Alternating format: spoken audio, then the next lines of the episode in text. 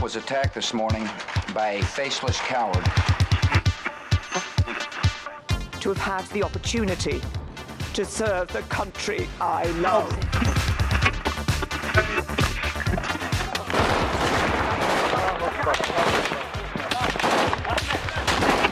Den Einsatz für Frieden und Freiheit in Deutschland, in Europa und in der Welt. We will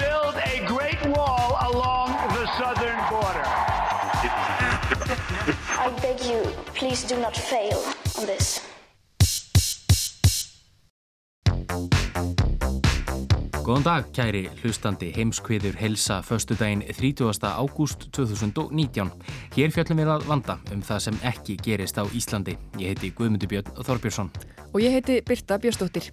Heimskviður er að finna á öllum helstu hlaðvarpsveitum og í spilaranum á rúf.is, þar sem einnig má finna ítarlegar fréttaskýringar með öllu efni þáttarins. Borgarastriði í Sýrlandi hefur staðið yfir í tæpan áratug. Hundruð þúsunda hafa þurft að yfirgefa heimili sín og engin veit hvað átökin hafa kostað mörg mannslíf. Ólöf Ragnarstóttir fjallar um þennan hildarleik og ræðir meðan annars við sírlending búsettan hér á landi. Talið er að á 40 mínútna fresti sé kona myrt af maka sínum í Rúslandi. Engin ákvæði verið í rúsnöskum lögum um heimilisofbeldi og lífssegt orðatiltækið ef hann lemur þig, þá elskar hann þig. Það leikur alltaf reyði skjálfi í breskum stjórnmálum þessi dagrin, tveimur mánuðum fyrir fyrirhugaða útgöngu Breitlands úr Evrópusambandinu. En af hverju vilja breytar út og hvað gerist ef ekki nást útgöngusamningar við Evrópusambandið? En við byrjum í Sýrlandi. Óluf Ragnarsdóttir tekur nú við. Þegar við heyrum minnst á Sýrland koma líklega upp í kollin orð eins og stríð, hörmungar og flóttafólk. Ástandinu í Sýrlandi hefur einmitt verið líst sem helvíti á jörð, en svo hefur sannlega ekki alltaf verið raunin. Sýrland er formt og mert menningaríki. Fyrir 2011 var Sýrlandi stundum líst sem leiðilega landinu í mið-austurlöndum. Engar krassandi frettir bárust þaðan og allt virtist með kjörum kjörum. Við skulum byrja á stuttri yfirferði yfir sögu landsins.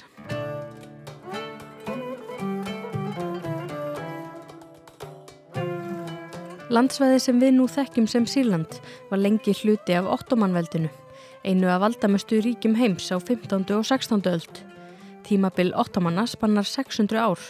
Þegar það var stæst náði það til þryggja heimsálfa, Evrópu, Asjú og Afriku. Það leiðundir lok skömmu eftir fyrri heimstyröld. Þeir veðju ekki á réttan hest þar, myndu bandala með Þískalandi. Íbúanir liðu verulega fyrir stríðið. Hundruð þúsunda voru kölluð í herin og að samaskapi létust hundruð þúsunda úr hungri.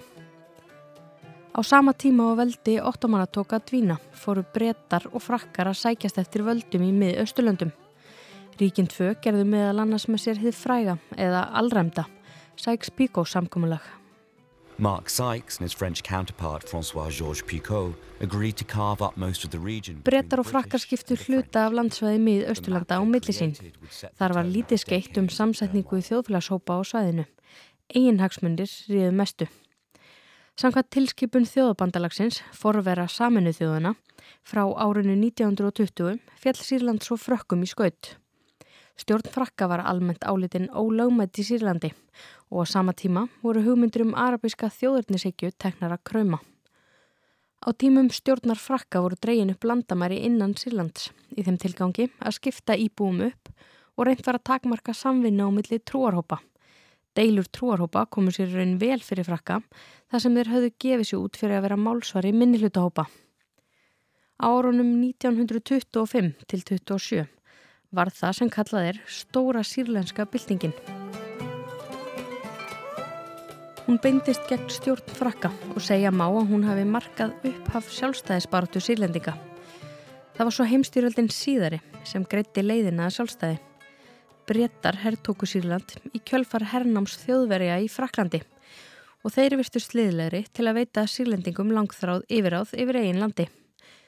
Frakkar reynda maldi móin og bæta í herlið sitt í Sýrlandi en allt kom fyrir ekki. Saminuð þjóðunar voru stopnar 24. april 1945 og var Sýrland eitt af stopnir ríkjónum.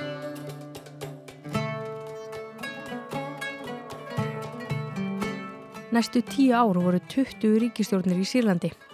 Röð valdarána hvers hernaðlega innræðisherrans og eftir öðrum. Stopnun Ísraelsríkis árið 1948 var svo sannlega ekki til þess að auka og stöðuleika. Þá saminnaðist Sýrland Egiptalandi um tíma. Saminnaða arabíska líðveldið var stopnað 1. februar 1958 og fossettinn var hinn vinsali Gamal Abdul Nasser. Það var þó ekki langlýft, ekki síst vegna þess að það mætti frekar líka fyrirkomuleginu við yfirtöku Egiptalands og Sýrlandi. Saminnaða arabíska líðveldir leiðundi lók við Valdarán í Sýrlandi 1961.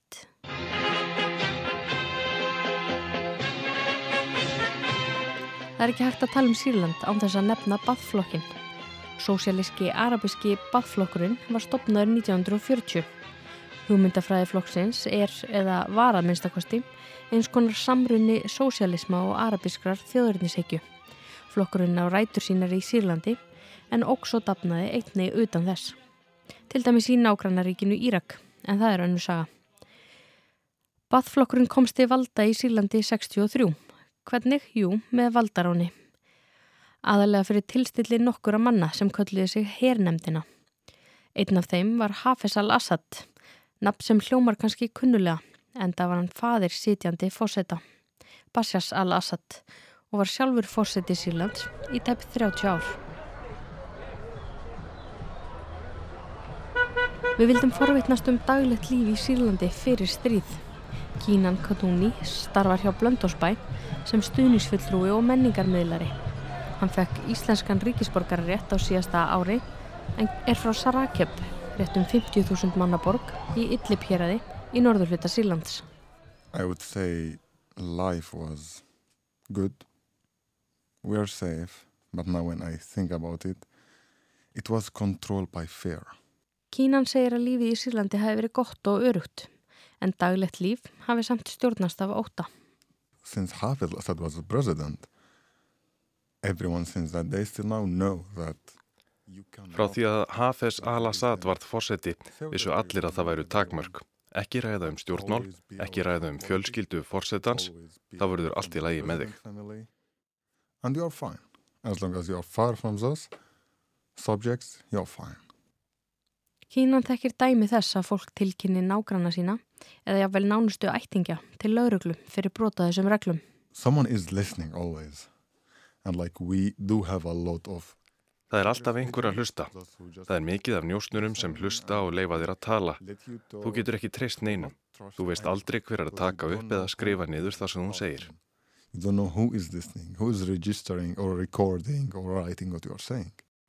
En hvað verður um þau sem brjóta reglunar? Þau sem verða að uppvísa því að ræða stjórnmál á hátt sem þóknast ekki þeim sem ráða. Þeim er vísað á viðegandi lauruglustöð, leini lauruglu eða herrlauruglu. Við höfum mismunandi stegi lauruglu. Og þau sem tala um eitthvað alvarlegt. Við segjum alltaf að þau endi á bakvið sólina, sem þýðir að þau hverfa. Þau getu jafnvel aldrei skila sér aftur. Þau sem hafa mikinn áhuga á málefnum mið Östurlanda kannast líklega við Magnús Þorkel Bernhardsson. Hann er prófessor í nútíma sögum mið Östurlanda við William College í Bandaríkjónum og bjó í Sýrlandi um tíma á árunum 1992 og 1993. Magnús Þorkel segist geta tekið undir með Kínan. Stöðuleikin sem ríkti í Sýrlandi var að miklu leiti í skugga kúunar stjórnvalda. Já, svo sannlega. Það, það var Uh, Sýrland var mjög lokað land, þetta var mjög lokað hakkerfi og maður uppleita mjög stert, þetta var lögluríki, það var fylst mjög vel með fólki, til dæmis þegar maður tók bíl frá Sýrlandi til, til Jórdaníu, þá um leiða maður var komin yfir í landamærin í Jórdaníu, þá breytist svolítið andurslótt í bílnum og þá byrja fólk að tala um, um politík, þannig að þetta var já mikið svona kúuna ríki. Magnús segir að fylst hafi verið með posti sem barst inn í landið og posti sem fór úr landi. Símtöl hafi verið hleruð og óenginnisklættir lauruglumenn hafi sífælt fyllt fólki eftir. Það var til dæmis mjög erfitt að fá fréttir um það sem var að gerast á, á alþjóðlegum vettvangi. Til dæmis ef maður kipti löf eins og International Herald Tribune eða Economist þá var oft búið að klippa út hinn á þessa greinar. Maður var mjög meðvitar um hvar, hvar, rauð, hvar rauða línan var, hvar mátt ekki fara far yfir og það var fyrst og fremst til að koma ekki í sírlenskum vinum og kunningum í vandræði. Magnús hafi minni áhugjur á sjálfum sér. Assad fjölskyldan hefur stjórnað Sýrlandi í næstum 50 ár.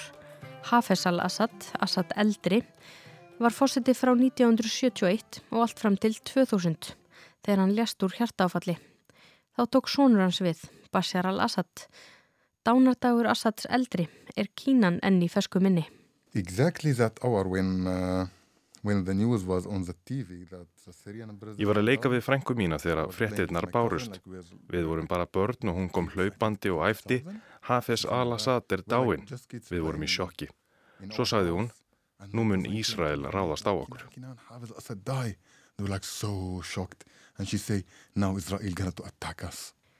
Ástæða þess að þau frændsískininn, barnung, voru óttastleginni við fregnum af fráfalli fósettans segi Kínan að sé svo að þeim hafi verið kent í skólanum að óvinnir Sýrlands, Ísrael, Bandaríkin, Evrópa vildu tortíma Sýrlandi. And it's only Al-Assad family protecting us. He's the keeper of Syria, he's the saver of Syria. So without him, Syria is nothing. Without him, we are nothing. Aðeins Assad getur vendað okkur, hann er bjargvættur Sýrlands og landið er ekkert ánans. Við værum ekkert ánans. Þetta var kent í grunnskólum landsins, segi Kínan. Bashar var ungur að árum þegar hann tók við ennbætti, aðeins 34 ára. Stjórnarskráni var meira sér breytt til þess að hann gæti tekið við ennbættinu. Áður þurfti fósitinn að vera 40 ára, en eftir breytinguna næði að vera akkurat 34 ára. Vonir stóðu til að ungi fósitinn er því ferskur blær inn í stjórnmálinn.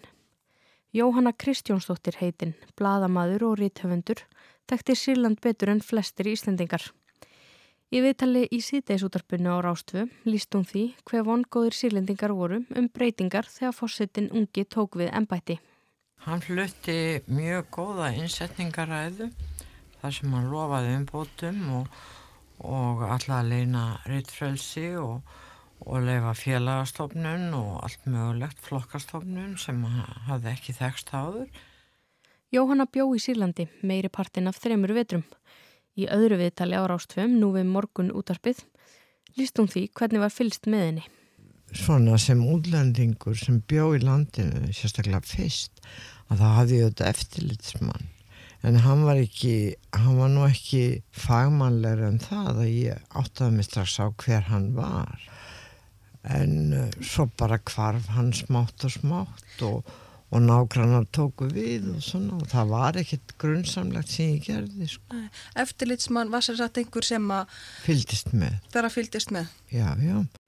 Stjórnarfarið í Sýrlandi er þannig að það er fósettin sem mestur aður nánast allt vald er hjá framkvæmdavaldi og það er fósettin sem skipar ríkistjórnina Þingið hefur takmarkað sjálfstætt lögjavald Bathflokkurinn, flokkur fósettans hefur 200 sæti af 250 á þinginu Síðast var kosið til þings 2016. Þá sögðu ríki eins og Þískaland niðurstöðunar ekki marktækar.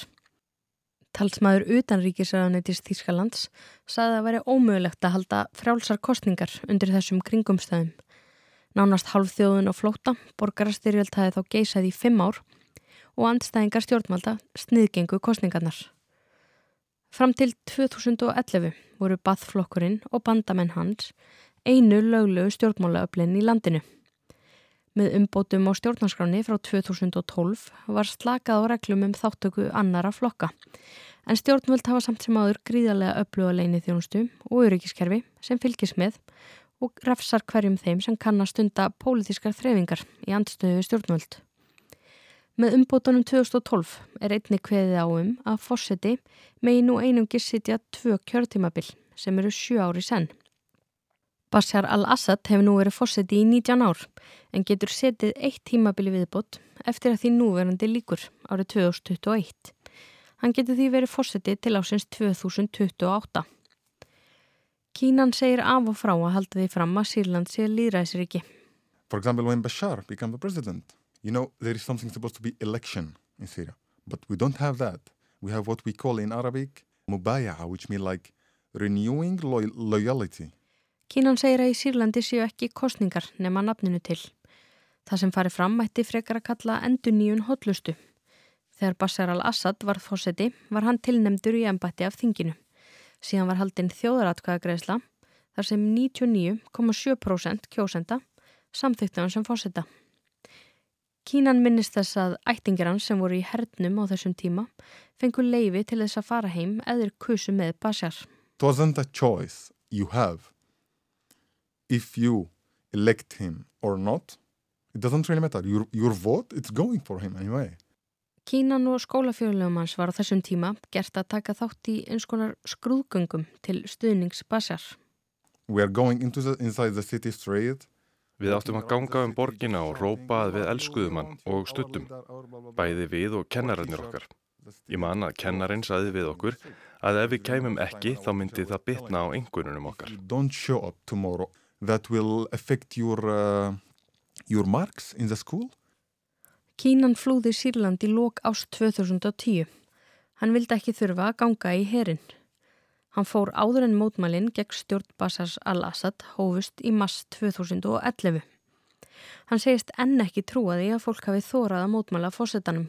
It was not even possible to imagine it in 2010 or before it. It was not possible. Especially when we think about what happened in 82 in Hama. Hún þótti óhugsandi að fólk þyrði að hallmæla fórsetanum. Sérstaklega í ljósi þess að uppreysnin í Hama eða fjöldamorðið í Hama eins og það er einni kallað er sílendingum enn fersk í minni. Þá barði Assad eldri harkalega niður uppreysn hópa sem fannst þeir utangars og saminuðust undir merkjum Íslams gegn stjórnvöldum. Uppreysn sem náði hámarki í borginni Hama árið 1982. Blóðu baróta um borginna stóði yfir í þrjár vikur en þann dag í dag eru ekki til ofinbæra tölur um það hver margir almennir borgarar litu lífið. Sumur segja 2000 en aðrir 20 til 40.000. Eitt er vist að stór hluti borgarinnar var gjósanlega í rúst. Myndir á borginni frá þessum tíma eru ekki ósveipaðar myndum sem við þekkjum frá Sýrlandi í dag og tímum borgarasteyrialdar.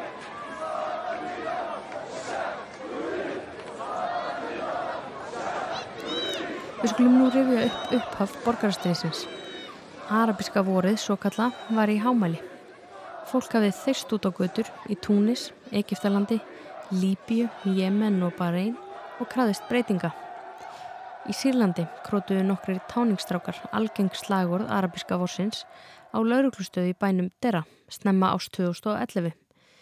Þeir voru handteknir, fangelsaðir og pyntaðir. Viðbröð lauruglu vöktu mikla reyði. Mótmæli gegn harneskjulegum aðgerum stjórnvalda hófust. Mótmæli sem fósettinn og hans fólk bröðust illa við. Bashar Assad, Sýrlandsfósetti, kennir samsærismönnum um mótmælin í landinu að undanförnu. Hann hvaðist alltaf láta hartmæta hörðu í baráttunni við þá. Assad var fagnan eins og hetju þegar hann gekk inn í þingsalinn en það eru anstæðingar hans í röðum þingmanna næsta fáir. Þeir sem vonuðust til að fórsetin myndi rétta mótmælendum sátahönd í þessari fyrstu ræðu sinni frá því að mótmælinn hófust fyrir alvöru hafa líklega orðið fyrir vonbriðum. Það kom sumum á óvart hversu harkalega Sýrlandsstjórn brást við. Kínan Kadúni er ekki eitt þeirra. Of course I'm not surprised about his reaction. Not at all. All, all his, uh, their goal, I mean as, as a regime, to keep the presidency for, for him. Hann segir að það eina sem stjórnin hugsa um sé að halda Bashar í ennbætti. Ein af kröfum mótmálenda í Sýrlandi var afnám neðalaga. Með þeim gáttu stjórnvöld til dæmis handtekið fólk án ákjæru, nekt stjórnarskrá og hegningalögum, beitt fyrirbyggjandi handtökum og rýtskoða fjölmela. Svo fátt eitt sé nefnt. Neiðalögin höfðu verið í gildi frá 1963 þegar bathflokkurinn komst til valda og lísti yfir neyðarástandi. Í april 2011, tæpum 50 árum síðar, tilkynnti Bashar al-Assad að neyðar ástandinu væri nú aflétt. Ofsengt í rassin gripið, sögðu sömur, og það döði líka skamt til að læja öldunar. Magnús Þorkell segir eins og kínan að það hafi komið á óvart þegar sírlendingar þeistust út á götur til að mótmæla. Þegar arabíska vorið hófst fyrst í Hinulöndun eins í Egiptalandi og Túnis og þegar fólk nefndi Sýrlanda nafn, þá sögðu flestir í í meðslöndum að sílendingar hafa miklu meiri ágjörð því hversu mikill sigur þegar ég seti teðið sitt frekar en ræðum stjórnmál. Viðbröð stjórnmálda hafi hins vegar ekki átt að koma ávart. Þau séu lýsandi fyrir laurugluríki þar sem fólki var haldið í skefjum með því að beita valdi og ofbeldi. Þannig það kannski ætti ekki að koma svo mikið ávart að ef ykkur með, var með uppsteita að þá myndi stjórnin og lauruglan breyðast við með, með ofbeldis aðgerum. Það, það eina legin sem þeir þekktu þess að stemmastíðu við, við mótmæli eða, eða gaggríni. Stríði í Sýrlandi verður flóknara með hverju árinu. Það sem byrjaði sem átök mótmælenda og lauruglum árið 2011 hefur nú þróast yfir í langvinn átök þar sem hundrað ólíkir hópar hafa barist vítt og breytt um landið. Uppreysnamenn, sveitir sem eru andvígar Assad og hans stjórn, náðu á tímabili stórum hluta landsins og sitt vald. 2015 urðu svo kaplaskill. Rúsneski herin hóf sínar fyrstu loftar á sér í Sýrlandi og upp úr því vann Assad landsvæði tilbaka eitt af öðru. Magnús Torkell segir að ástandi sé gríðarlega flókið, stríði í Sýrlandi sé ekki svart og hvít, ekki einn vondur og einn góður. Þetta er bara púra hagsmuna stríð þar sem er barist er um framtíð þessa svæðis og, og, og, og hverju stjórna þessu svæði og hvaða, hvaða stórvöldi hafa aðgang á þessu svæði.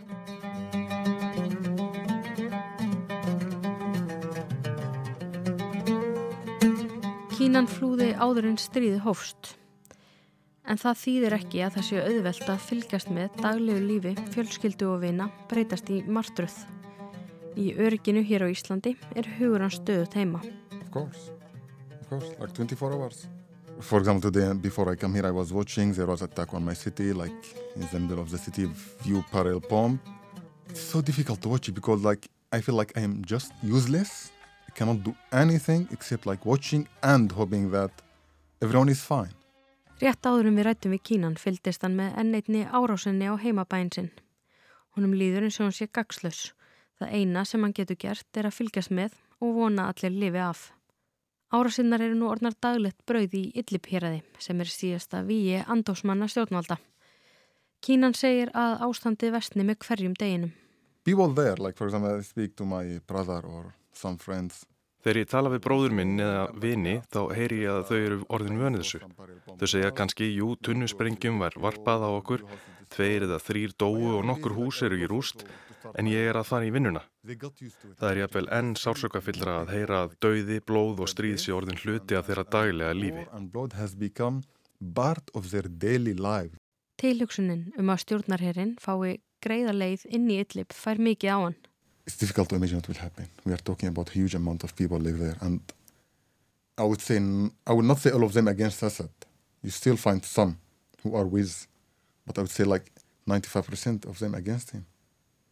It will be destroyed. Hann telur að 95% fólksins þar séu andvið fósettanum sem þýði að allt verði lagt í rúst. Stjórnarherrin hefur sótt hart fram nýverið með diggum stöðningi rúsa. Stjórnvöldir er staðræðu nýja ná hýraðinu aftur á sitt vald. Fyrir íbúana þýðir það mikið mannfall og enn fleiri missa heimili sín.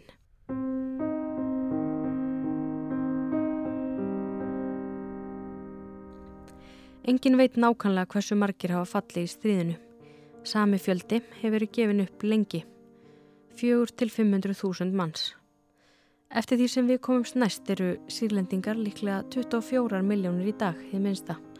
Samkvæmt flóttamanna hjálp saminuðu þjóðana hefur helmingur þeirra neðst til að flýja heimili sín.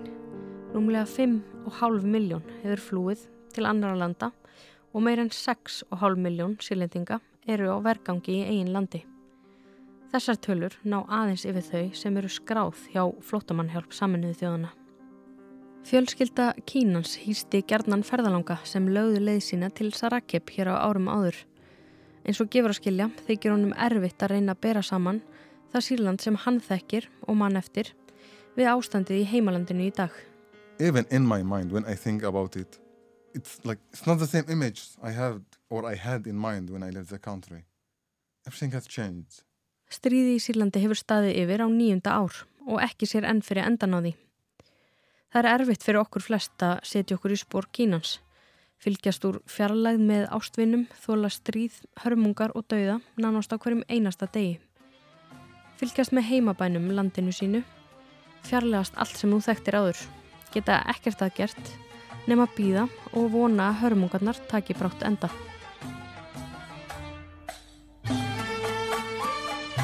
Frá Sýrlandi höldum við til Rúslands. Mál þryggja sistra sem myrtu föður sinn hefur vakið heims aðtegli og beint kastljósinu af heimilisofbeldi í Rúslandi. Birta Björnstóttir.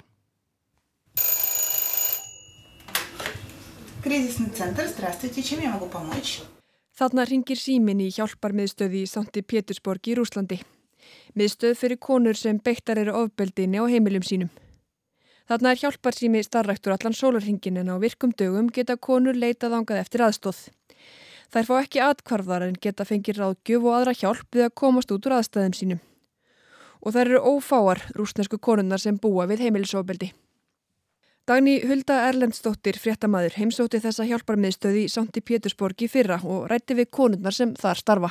Þær sagði mitt að væri stort vandamál að heimilisofbeldi væri að mörgu leiti samfélagslega samþygt var þess að það er svona ríkjandi það huga fara þetta er bara eitthvað sem gerist inn á heimilinu og bara vera inn á heimilinu, fólk ekkert að vera að bera þetta á torg, það vil lendi í þessu og ekkert að vera að leita til löggunar og það segja rosalega mörg dæmi um það að konur hafið mitt leita til okkunar og það gera þær aldrei fyrir en þær eru algjörlega komnar í, í lífsættu og fá þó þau svörað að þær eigi bara að leysa þetta heima hvað þær séu að leita með þetta til okkunar þannig að það er svona það viðþorf virðist vera ríkjandi Ópenberum upplýsingum um tíðni heimilsofbeldis og um fjöldakvenna sem eru myrtar af mögum sínum er lítið sem ekki fyrir að fara í Rúslandi.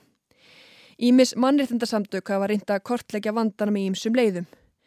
Þannig að talið að árlega séu um 12.000 konur myrtar af magasínum í Rúslandi. Ef við deilum þessum fjöldanir og daga ársins er rúsnesk kona myrt á um 40 mínútna fresti allan ársins ring.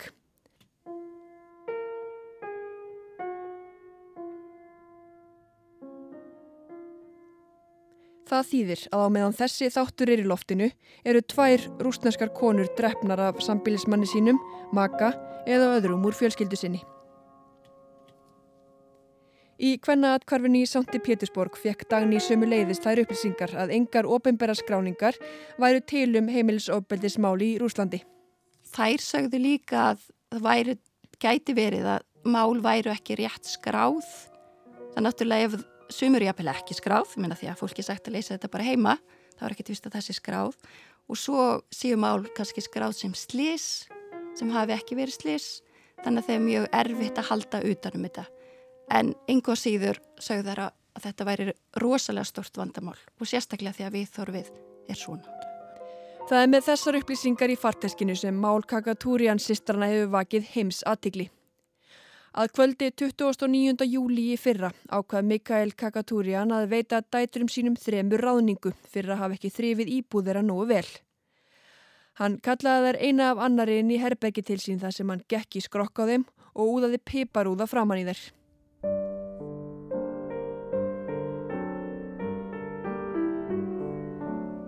Síðar sama kvöld þegar Mikael satt dormandi í hægjendastól sínum réðust sýsturnar þrjár, Kristína, Angelina og Marja að föðu sínum. Það er stungar með nýfi, börðan með hamri og úðuðu yfir hann piparóðunum.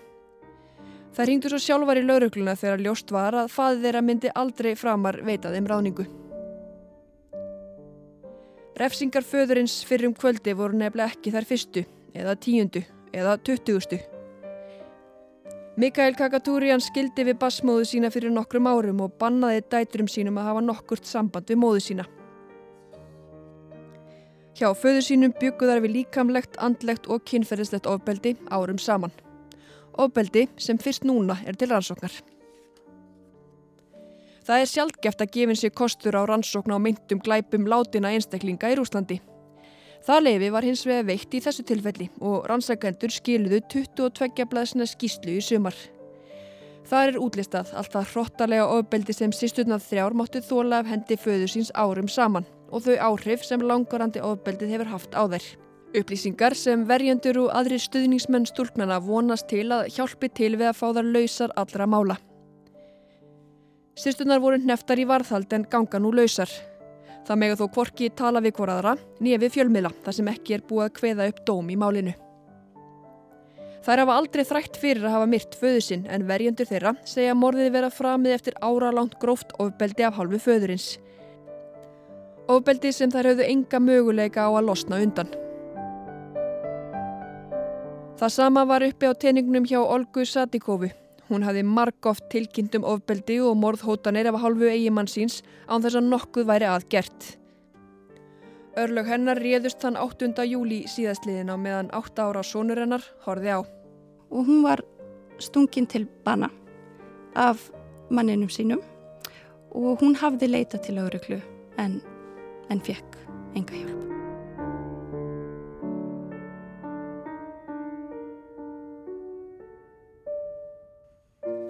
Árið 2017 var samþygt lagabreiting á rúsneska þinginu. Breyting sem dró úr refsingum við ofbeldi. Sangamt nýju lögunum eru minni viðurlögu við fyrsta ofbeldisbroti, svo framalega sem fórnarlampið leggist ekki inn á sjúkrahús. Þau þóttu nú ekkert, ekkert góð þólundum í vil fyrir. Svo voru refsingar mildar 2017, eins og til dæmis eitthvað sem áður varðaði fangilsisvist, þá fór að koma sektargreisla, samfélagstjónusta og kannski fangilsi í tvær vikur og þetta hefur gert þetta ennþá erfiðara. Það verður nefnilega að taka með í reikningin áður nefnd viðhort til heimilisofbeldis og í hver fáum slíkum málum er aðhafst.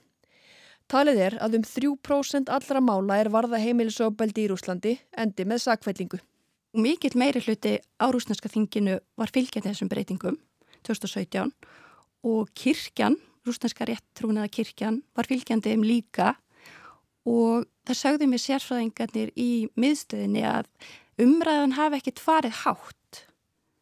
Þetta var svona eitthvað sem bara, bara gerðist og fór í gegn. Engin ákvæði eru í rúsneskum lögum sérstaklega um heimilisofbeldi. Það er að finna ákvæði um sjálfsvörn og talað um refsilækkun eigi það við. Refsilækkunin er talin eiga rétt á sér þegar yfirvofandi og óvænt okn vofir yfir til að mynda við gíslatöku. Samlíking sem einhverjir þólendur heimilisofbeldis gætu líklega heimfært upp á ástand heimaferir. En lítið reynir á sjálfsvarna ákvæði þegar heimilisofbeldir annars vegar og talið að 80% allra kvenna sem dúsa í fangelsi í Rúslandi siti inni fyrir að hafa myrt eða meitt, oftast ofbeldisfullan makasinn. Það hefur svo sem verið reynd að breyta lögunum, til dæmis árið 2012. Fjölskyldudeild rúsnesku réttrúnaðakirkjunar gerði hins vegar alvarlegar aðtöðasemdir við orðalagina fyrirhuguðu lagabreitinga. Þau sögðu að með því að nota orðið heimilisofbeldi væri bæði verið að gera hugmyndum róttækra feminista hátundur höfði, auk þess að skrýmslavæða karlmenn. Það er nefnilega við ramman reypa draga þegar víða í samfélaginu heyrist reglulega gamalt orðatildæki.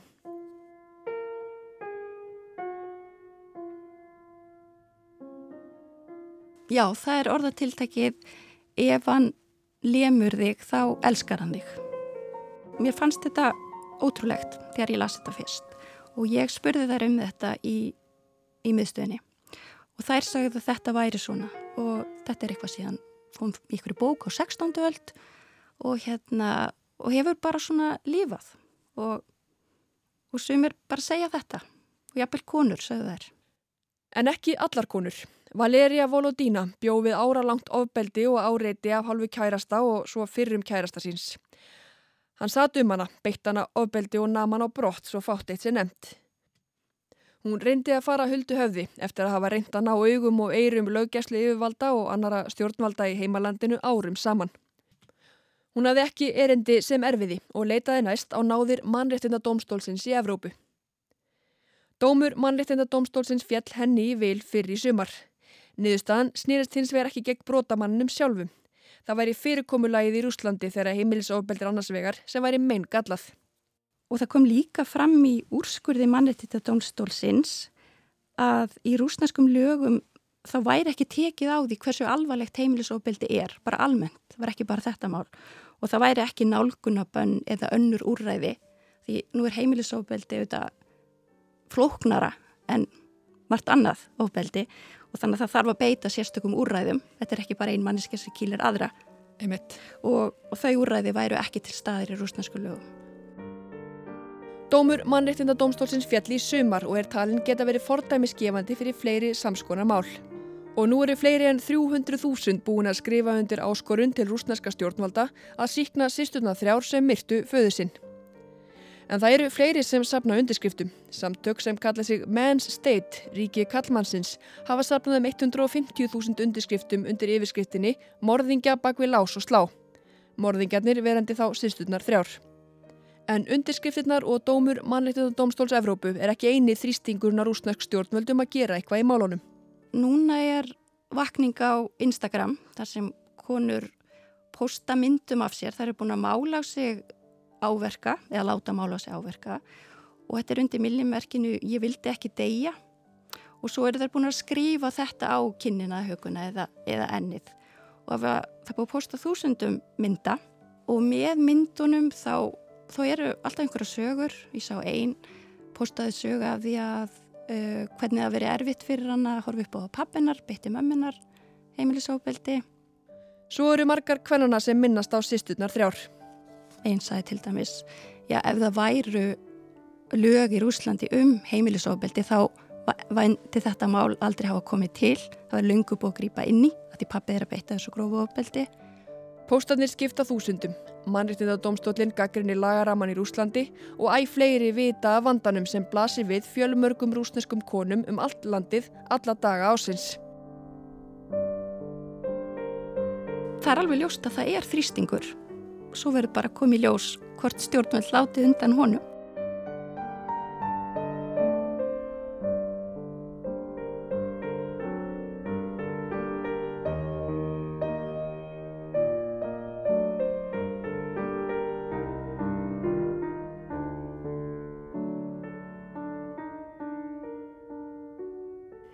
Elisabeth Bredadrottning félst í vikunni á beðinni fósettisráþurra landsins, Boris Johnson, um að gera hlið á þingstörfum í Breitlandi frá byrjun september fram til 14. oktober.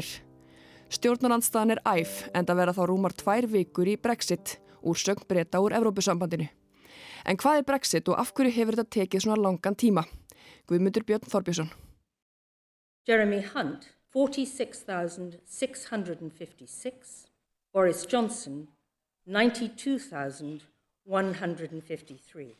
And therefore I give notice that Boris Johnson is elected Þann 23. júli síðastliðin í höfuðstöðum Breska íhaldsflokksins tekur hinn 55 ára gamli Fyrirverandi borgastjóri Lundúna Boris Johnson við formannsembætti af Theresa May, fórsetisráðara.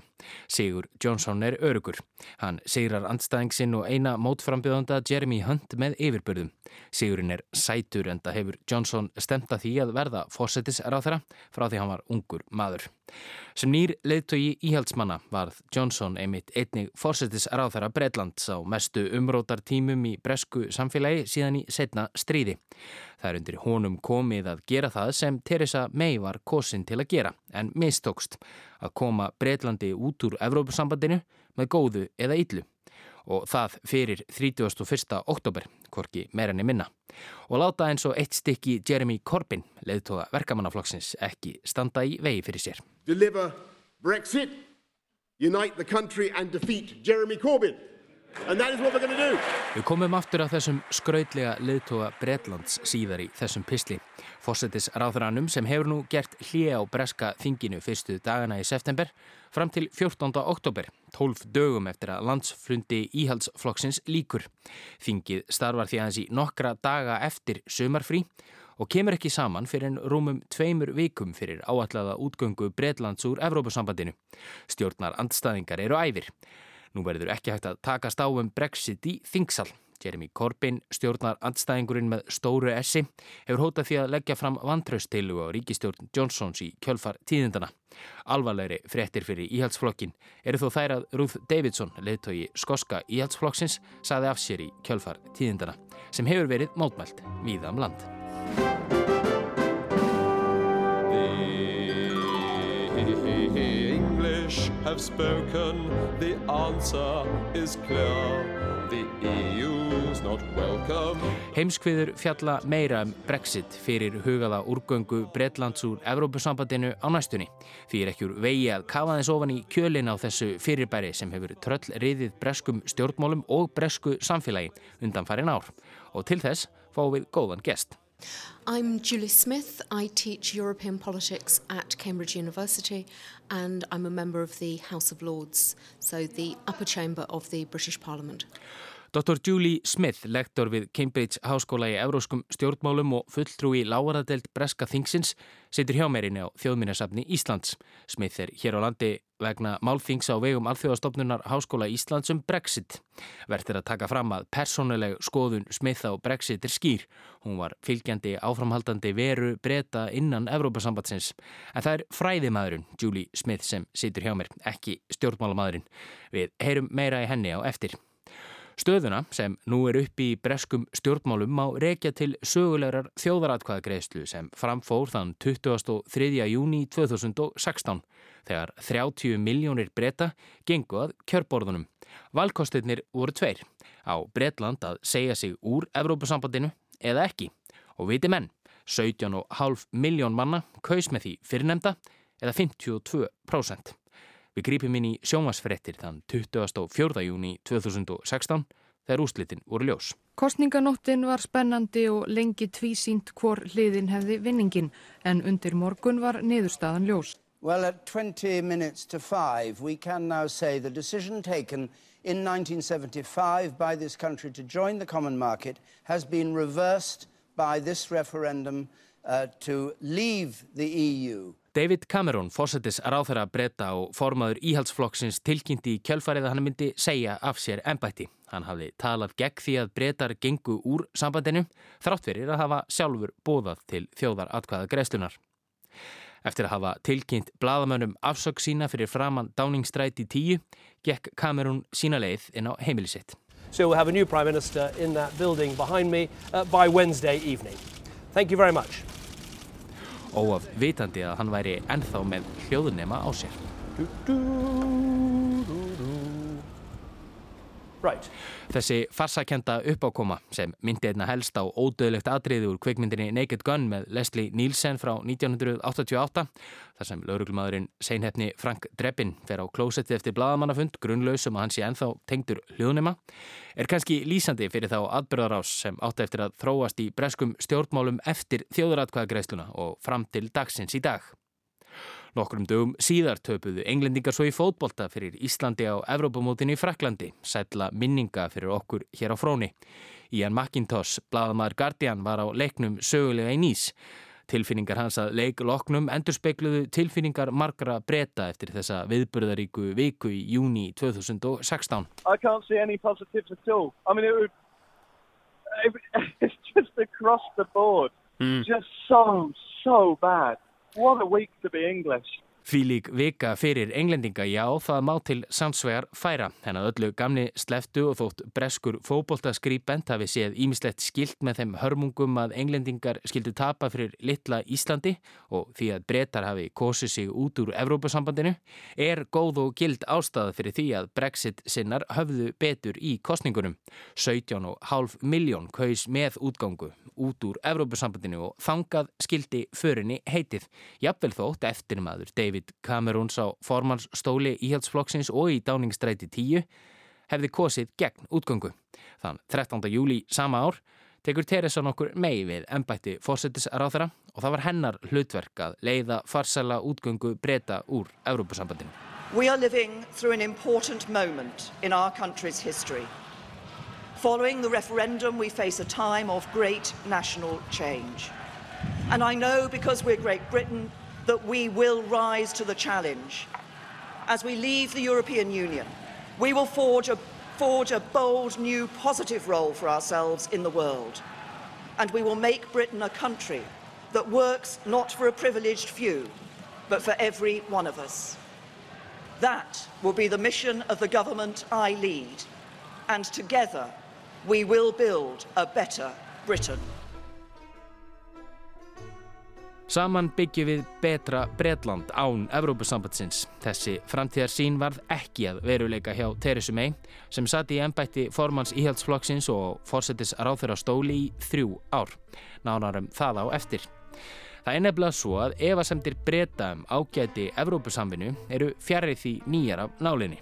Julie Smith. The British case is unique In the immediate aftermath of World War II, half a dozen European countries came together and they could see a real case to cooperate. Smith er hér að tala um kóla og stálabandalag, bandalag Fraklands, Ítalju, Vestur Þýskalands, Belgíu, Luxemburgar og Holland sem var ætlað að stöðlað aukinni samvinnu og betra sambandi millir Stobríkjana 6 eftir setna stríð. British political leaders at the time said we want to stay apart from that. We wish the Europeans well, but we don't need to be part of it.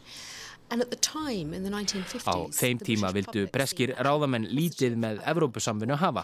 Þegar Breitland var svo formlega meðlimur í Evrópubandalögunum árið 1973 var lítil ánægja um það meðal almennings og einnig í þingheimi, þá sérilagi í rauðum verkamannaflokksins.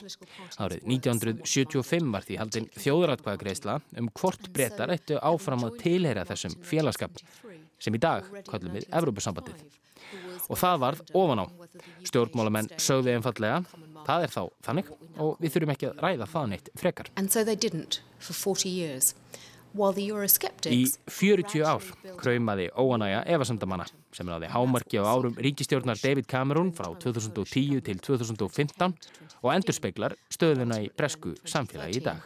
David Cameron as Prime Minister offering three R's, reform, renegotiation and referendum which has led us to where we are in 2019. Ástöðunar fyrir þeim evasemdum sem bæði almennir borgarar og stjórnmálamenni í Breitlandi hafa haft síðastliðna áratígi eru þetta margar og mismunandi og snúa meðal annars að fjórfrelsinu svo kallað einum af hornsteinum Evrópu samvinnunar sem gengur út á frjálst flæði vöru, fólks, þjónustu og fjármaks meðal aðeldaríkja Evrópusambatsins sem var til í sinni núverandi mynd með Maastrikt sáttmálanum árið 1993. Einn byrtingamind fjórfrelsisins sést í fjölgun innflytjenda á Breitlandi sem var meðal annars vatn á millu UKIP-flokksins sem hefur frá stopnun sinni 1993 barist fyrir útgöngu breyta úr Evrópusambandinu. Flokkurinn hefur vaksið mikið síðastlegin ár og fekk til að mynda rúmlega 27% kostningu í Evrópuþingskostningurum árið 2014 og ratirnar urðu háarari. David Cameron til Ama. So from 2010 onwards David Cameron was facing a lot of difficulty with his backbenchers. And what he thought was that he, if he offered a referendum, he was going to be able to persuade them to stop bothering him about Europe. David Cameron var komin með bakið upp við vegg vegna þeirra sem efuðustum hvort það væri hellavanlegt fyrir breyta að vera í Evrópasambandinu, bæði gagvart eigin flokksmönnum og pólitískum andstæðingum. Hann ákvað því að bóða til þjóðaratkvæðagreislu. Þannig gæti hann friðað evasandamenn í eigin flokki og skotið UKIP flokki niður í leiðinni. En allt fór á versta veg fyrir Cameron, en það fór atkvæðagreislan ekki eins og hann hafi gert ráð fyrir and that in a sense backfired. The EU's not welcome now that Brexit is here. Gott og vel, Cameron gerði afdýraverík mistök og leta af ennbætti. En hvað þá með Theresa May sem Cameron fólað leiða landið út úr Evrópasambandinu? Henni mistókst líka, ekki satt. The legacy of Theresa May is one that I think is going to be seen as Arfleð Theresa May er nokkuð raunalega mati Julie Smith. Hennar eigin flokksmenn hafi ekki kunnað að meta hana. Þeir sem kusu með því að fara út úr Evrópasambandinu treystu henni ekki þar sem hún kaus gegn því að yfirgefa sambandið. Og aðrir treystu henni ídla, sögum þess að hún varð flokksformaður og fósettis ráþara án þess að þurfa að fara í kostningabaráttu. Breitland átti upphaflega að ganga út úr Evrópusambandinu þann 29. mars í ár en þá voru tvö ár liðin frá því Theresa May, fyrst allra leðtoga Evrópusambandsríkjana, óskaði eftir útgöngu með því að virkja 50. grein Lissabon sáttmálans sem hveður áum að aðveldaríki geti sagt sig úr sambandinu. Í kjölfarið bóðaði mei til kostninga í Breitlandi með það augna með að styrkja stöðu íhaldsflokksins í breska þinginu og tryggja þannig að hún hefði tröst baklandi samningaviðræðum við Evrópusambandið um hvernig viðskilnaðinum yrði háttað. And when she decided to call a snap general election in 2017 in order to strengthen the parliamentary mandate, that completely backfired. Óhætt er að segja að kostningarnar fór ekki vel fyrir Teresu May. Íhaldsflokkurinn misti 13 þingsæti og hún þurfti að leita á náðir liðræðislega sambandsflokksins á Norður Írlandi sem ver íhaldsflokkin vantrösti. Íhaldsmenn eru því við stjórnvölin í ríkistjórn en hafa ekki meiri hluta á þingi. David Cameron hafið þó allavega 12 sæta meiri hluta. Og hart var sótt að megi í kjölfarið. Hún stóð af sér vantraustillögur bæði frá eigin flokksmunum og stjórnar andstæðingum en samningurinn eða samningarnir sem megi náði við Európa-sambandið voru feldir þrívegis í breska þinginu. Fyrst í janúar á þessu ári og svo tvívegis í mars, nokkrum dögum áður en breytar áttu að ganga formlega úr sambandinu þann 31. mars. The particular issue that became the focus of opprobrium among politicians is what's been called the backstop. Stærsti ástættingar steinnin í útgöngu samningi ríkistjórnar megi við Evrópasambandið snýrað landamærum Norður Írlands sem tilherir bresku krúnunni og Írlandi sem eins og fróðir vita tilherir ekki Breitlandi. Þar kemur fram að það kom ekki til greina að setja upp harðlínu landamæra eftirlit á landamærum Norður Írlands og Írlands. Bretar þurfi því að vera áfram í tollabandalagi við Evrópasambandi og að landamæri Norður Írlands og Írlands verði áfram opin og hindrunar laus. Þar til framtíðar samkómulag næst. Frá þessari kröfu hefur Evrópasambandið ekki viljað víkja. Because of long-standing Óhaganleiki Evrópasambandsins í þessu máli er meðal annars vegna Belfast samkómulagsins svo kallaða sem var undirritað árið 1998 og tryggði frið á Norður Írlandi eftir áralongar deilur katholika og mótmælenda þar í landi. Evrópasambandið kom að þeim samningi og því er óhugsandi að hálfu sambandsins að landamæra eftirlit með tilherandi výrbúnaði verði aftur kynnt til sögunar á eiginni grænu án baktryggingar verður engin samningur gerður við breyta, segja stjórnvöld í Brussel. Víkur þá sögunni aftur að Boris Johnson, arftaka Theresa May. Hann er á öðru máli, rétt tveimur mánuðum áður en breytar higgja á útgöngu. Uh, what we want to do is to make it absolutely clear that the backstop is no good, it's dead, it's got to go. The withdrawal agreement is dead, it's got to go. Boris Johnson er skýr í máli. Baktryggingin er dauð og útgöngusamningur Theresa May gengur ekki. En hvað vil hann þá? The view of Boris Johnson and many of the Brexiteers is that there should be some way of ensuring there doesn't have to be a physical border between... Boris Johnson vil einhvers konar landamæri, enda tilherir Írland Evrópasambandinu, en samt ekki. Þetta er allt mjög óljóst. Það er sömulegis óljóst hvort Boris Johnson ætli sér raunverulega að leiða breyta út úr Evrópasambandinu án nokkurs konar útgöngusamnings, sem geti haft markáttaðar efnahastlegar afleðingar fyrir Breitland, sem og alla þá breyta sem búsettir eru innan Európa-sambandsins og ef hann vill samning og þar af leiðandi einhvers konar málamiðlun af hálfu Európa-sambandsins af hverju samanstendur sá samningur. Eitt er þó vist. Boris Johnson greiti tvísvar atkvæði gegn útgöngu samningi Theresa May en hann greiti atkvæði með þriðja samningnum. Hann er því kannski ekki eins óhaganlegur og aferlátið og hann verður líklegast ekki langlifur í ennbætti ef hann heldur núverandi harlegnustefnu til streitu fram í rauðan döðan. En svo staðan er núna er ógjörningur að segja til um hvað gerist. Hér mætast Stálin Steinn, ríkistjótt Boris Johnson og forvíismenn Európa-sambandsins. Engin verðist líklegur til þess að bakka og því er allt eins líklegt að breytar gangi út úr Európa-sambandinu þann 31. oktober án samnings. Við fylgjumst með. Heimskviður verða ekki lengri þessa vikuna. Þátturinn er endurfluttur á lögadagskvöldum og aðgengilegur á rúf.is og í öllum helstu hlaðarpsveitum. Netfang þáttarins er heimskviður at rúf.is. Við þökkum þeim sem hlýttu og heyrumst í næstu viku.